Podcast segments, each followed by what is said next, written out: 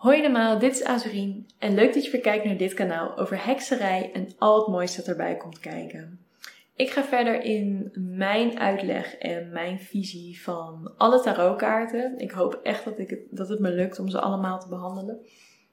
Ik pak in deze uitleg meerdere kaarten erbij. De vorige video nam ik de dwaas en de magier tegelijk. Deze kaarten wil ik echt met z'n vieren behandelen, omdat er is een moment geweest in mijn tarot-studie dat, dat ik erachter kwam dat deze vier letterlijk uh, een, een kwartet vormen. En ik wil dat graag heel erg met jullie uitleggen. We hebben een as, we hebben een assenstelsel. Oh, past dit op elkaar? Is dit het moment dat ik toch de kleine kaarten moet pakken? Ik moest ze gewoon een beetje uitzoomen. Oké, de assen waar ik het over heb zijn vrouwelijk aan de linkerkant en mannelijk aan de rechterkant, aards aan de onderkant en hemels aan de bovenkant. Ik weet dat inmiddels het concept mannelijk en vrouwelijk een beetje onder vuur liggen door de, de huidige inzichten in uh, dat een, een, een vrouw die aan het uiterlijk een vrouw is, niet per se een zich een vrouw voelt of zich identificeert als vrouw.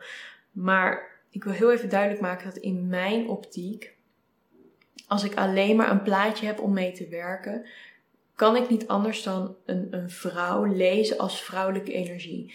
Dat betekent dus ook dat het voor mij heel erg belangrijk is dat deze figuren in dit, in dit stelsel dat ik heb opgesteld zijn, zijn afgebeeld door de seksen die ze symboliseren voor mij. Dus ik heb niet zo heel veel aan een deck dat werkt met een, een, hoge, een hoge priesteres. Dat wordt afgebeeld door een man. En een hierofant wordt afgebeeld door een vrouw. Ik heb ze wel, maar ik, ik baal daar lichtelijk van. Ehm, dat heeft helemaal niks met allemaal moeilijke zaken te maken. Ik heb ook helemaal geen, eigenlijk geen zin om daar heel erg diep op in te gaan. Voor mij is juist het, het vrouwelijke en daarmee in mijn ogen intern. Dus vrouwelijk staat voor mij voor intern en mannelijk staat voor extern. En op die manier kan ik deze kaarten heel makkelijk duiden. Want wij hebben een als we bijvoorbeeld kijken naar de hoge priesteres versus de hierofant. Zie ik de hoge priesteres als interne spiritualiteit en de hoge priester als externe spiritualiteit.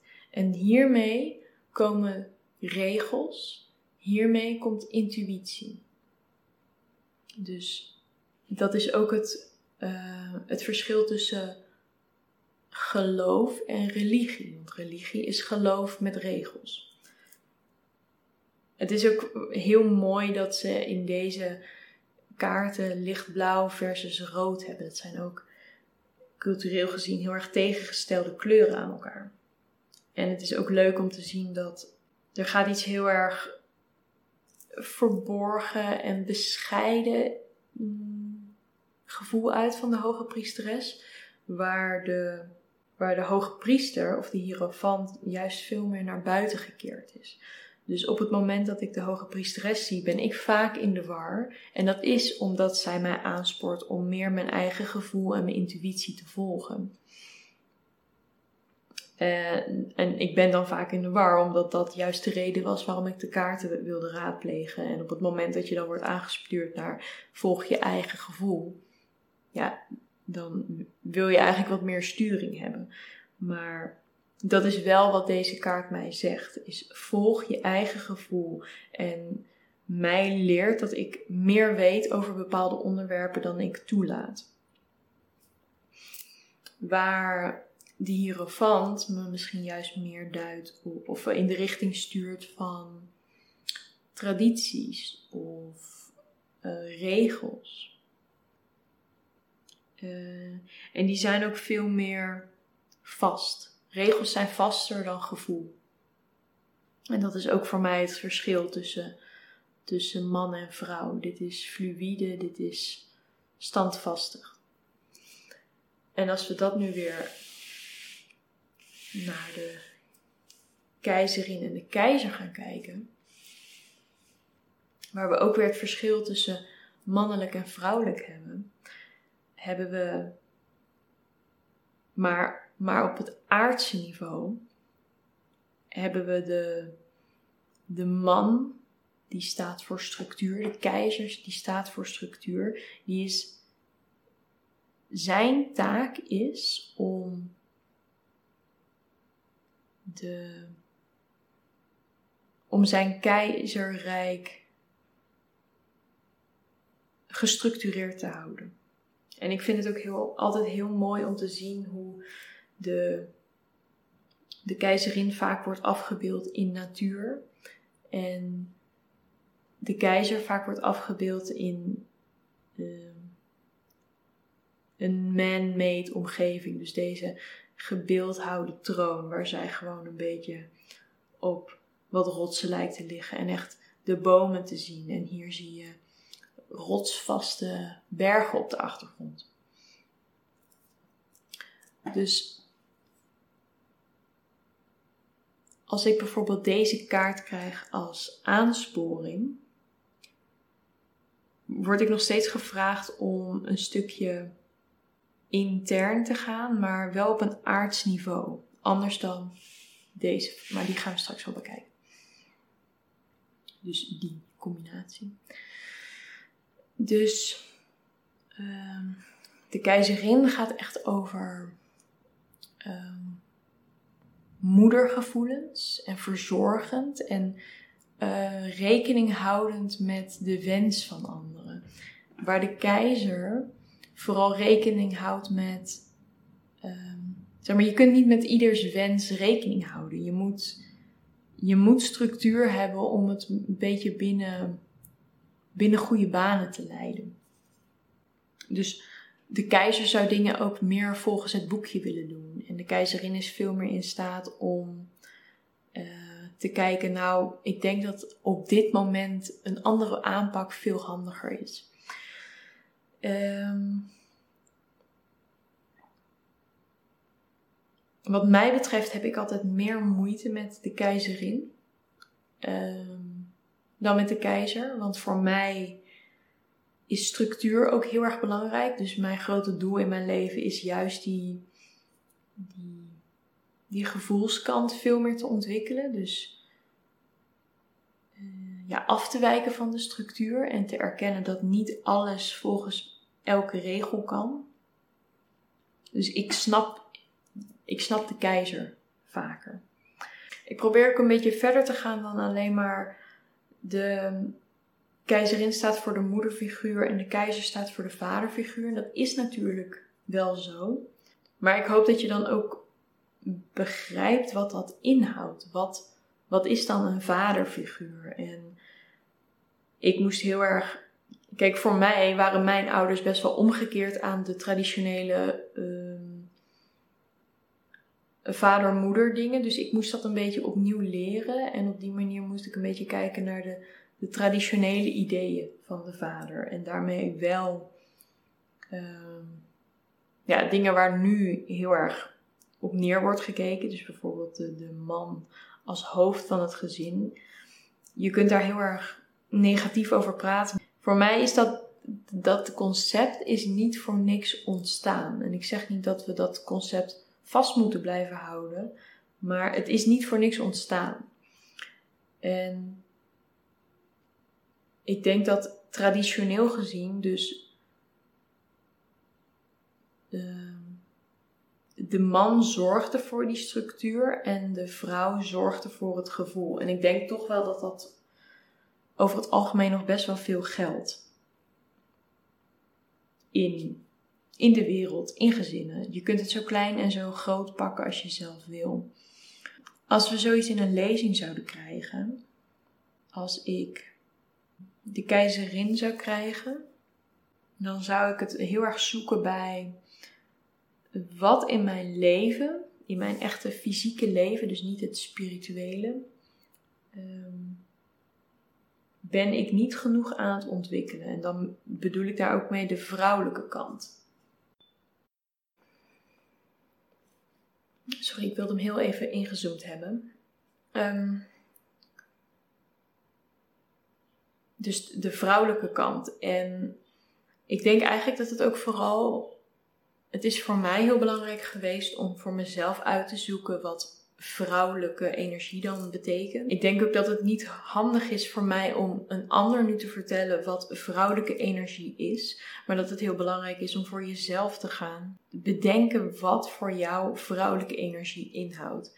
En probeer daar een beetje ehm, los te gaan van het concept wat doen alle vrouwen in mijn omgeving. Dus op het moment dat je misschien een vrouwelijk idee hebt, of een, idee van vrouwelijke energie, dat je je niet laat tegenhouden doordat je misschien een vrouw kent die niet die, die eigenschap bezit. Want het gaat niet over vrouwen en het gaat niet over mannen, het gaat over vrouwelijke energie en mannelijke energie. En ook mannen kunnen veel meer vrouwelijke energie hebben dan, dan een vrouw. Het is, het is heel aards om alleen maar in die hokjes te blijven denken. En uiteraard geldt datzelfde voor de keizer. Op het moment dat ik de keizer krijg in een positie die mij aanspoort meer te doen, dan, dan moet ik dus op zoek gaan naar, naar wat in mij moet ik mijn, mijn mannelijke energie meer tot uiting brengen voor mij is bijvoorbeeld die mannelijke energie strijdlust en uh, actie. Dus we hebben bijvoorbeeld, om toch een beetje die voorbeelden te gaan noemen, hebben we passief, actief, fluïde, vast. En voor mij wordt dat dus ook omgeven door die, dat fluïde, dat water dat hier stroomt en het vaste van de bergen. Dus maar nogmaals, bedenk voor jezelf wat jij, wat jij associeert met mannelijke energie en wat jij associeert met vrouwelijke energie. Dan wil ik nu de andere vergelijking maken. Namelijk, we pakken in het spectrum. We houden het wel nu bij de vrouwelijke energie, maar we pakken nu de, het aardse en hemels. Of Ehm, misschien meer aards en spiritueel. Want dat vormt voor mij de tegenstelling van de hoge priesteres en de keizerin. Dus ze zijn allebei een beetje de, de heersers over hun eigen rijk. Waarin de hoge priesteres dus de heersteres is over het, het rijk van, van de hemelen. En de keizerin, de keizerin is van het rijk op aarde. Dus ik heb het net al gezegd dat de, de hoge priesteres mij bijvoorbeeld veel meer aanspoort om, om mijn intuïtie te volgen. En dan bedoel ik dus echt mijn, mijn derde oog, mijn verbintenis met de kosmos. Waar de keizerin mij aanspoort om meer de verbintenis met de aarde te maken. Dus dit is aarde eh, het, het werkwoord aarde, dus contact maken met de aarde. En dit is contact maken met de hemel. En daarmee overstijgt dus ook dit overstijgt mijn ego. En ego eh, is een beetje een oud concept, maar ik denk dat het nog best wel opgaat. Is dat ja, deze hoge priesteres die, die gaat over veel meer dan, dan alleen maar mij. Dus de intuïtie die zij mij wil aansporen om te volgen, die heeft niet alleen betrekking op mezelf. En daarmee haal ik ook veel meer wijsheid over het hele geheel. En ik vind het wel lastig uitleggen. Sowieso omdat ik de hoogpriesteres dus een heel lastig concept vind om te vatten. Maar ik denk dat je dit soort dingen echt in een lezing moet kunnen zien. En ik ben ook van plan om veel meer voorbeeldlezingen op mijn kanaal te tonen. Zodat je gewoon een beetje leert hoe het in praktijk werkt. En dus weer de keizerin, die is veel meer van het verbind je met de aarde, verbind je met al het, eh, het genot dat de aarde biedt. En ja, echt dat, dat, dat jezelf onderdompelen in, in mooie rozen, in groene, De groene natuur, de blauwe hemel.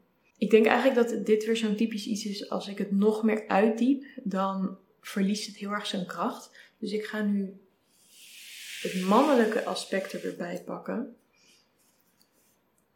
En daar dan het spirituele en het aardse laten zien. Dus hier hebben we het mannelijke, waarin we het spirituele vergelijken met het aardse. Ik wil je ook hier heel erg aanmoedigen om voor jezelf een beetje die indeling te proberen te maken. Want ik weet dat heel veel heksen moeite hebben met de kaart van de Hierophant. En dat herken ik, dat heb ik zelf ook heel erg gehad. Tot ik snapte hoe deze kaarten werkten in, uh, in dit vierkant. Dus als we het hebben over mannelijke energie en daarmee de actieve kant, dan is de actieve kant van de spiritualiteit is het uitdragen van het spirituele. En dat is wat we hier zien. En de meeste heksen hebben vaak moeite met de hierofant, omdat het ze te veel doet denken aan de paus. En, en daarmee heel erg die opgelegde regels. Wat. Alleen het probleem is, dat is ook waar de hierofant in mijn ogen voor staat. Het, is, het, het zijn de regels die komen bij spiritualiteit. Alleen de meeste heksen zoeken een spiritueel pad waarin ze zelf die regels bepalen. Maar het is denk ik belangrijk om te weten dat deze persoon ook jijzelf is. In die zin klopt volgens mij niet. Maar ik bedoel dus, het zijn dus ook de regels die je voor jezelf gebruikt om te manifesteren in de wereld. Dat is actief. Net als ik, ook ik in mijn hekserij kies bepaalde dingen waar ik niet aan wil komen. En zo, dat is niet omdat iemand mij heeft gezegd dat dat niet mag. Dat is omdat ik voor mezelf heb besloten dat ik dat niet mag. En dat is heel belangrijk. Dit, dit zijn geen. Dit zijn geen externe autoriteiten. Dit, dit is de autoriteit die je zelf bent. En ik denk dat als je moeite hebt met dit concept begrijpen, dat je misschien heel erg moeite hebt met autoriteit. En dat is helemaal niet erg of gek, maar dat is denk ik wel de reden waarom je dit soort kaarten heel moeilijk kunt vinden. Alleen is de tarot natuurlijk altijd bedoeld om, als je daadwerkelijk dat soort dingen moeilijk vindt, om daar dan onderzoek naar te doen. En bij jezelf te raden te gaan van wat is het dat ik hier heel, heel lastig aan vind of pijnlijk of uh, ja, gewoon naar. Dit zijn dus de regels in die spiritualiteit en de keizer staat voor mij voor die regels op aarde. En dat kan best wel gewoon moraal zijn.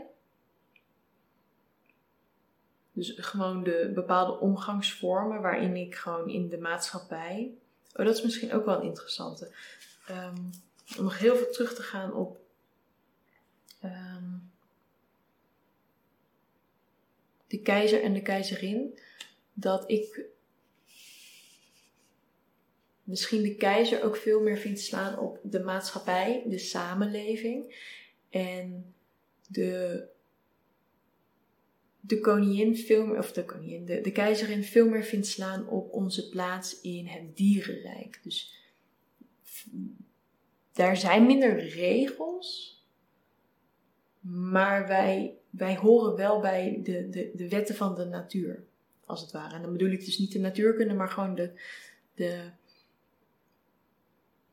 ja, ook, ook de, het dierenrijk kent zijn regels. Maar dit gaat meer over de samenleving en de maatschappij. En daarin is een soort van voor wat hoort wat.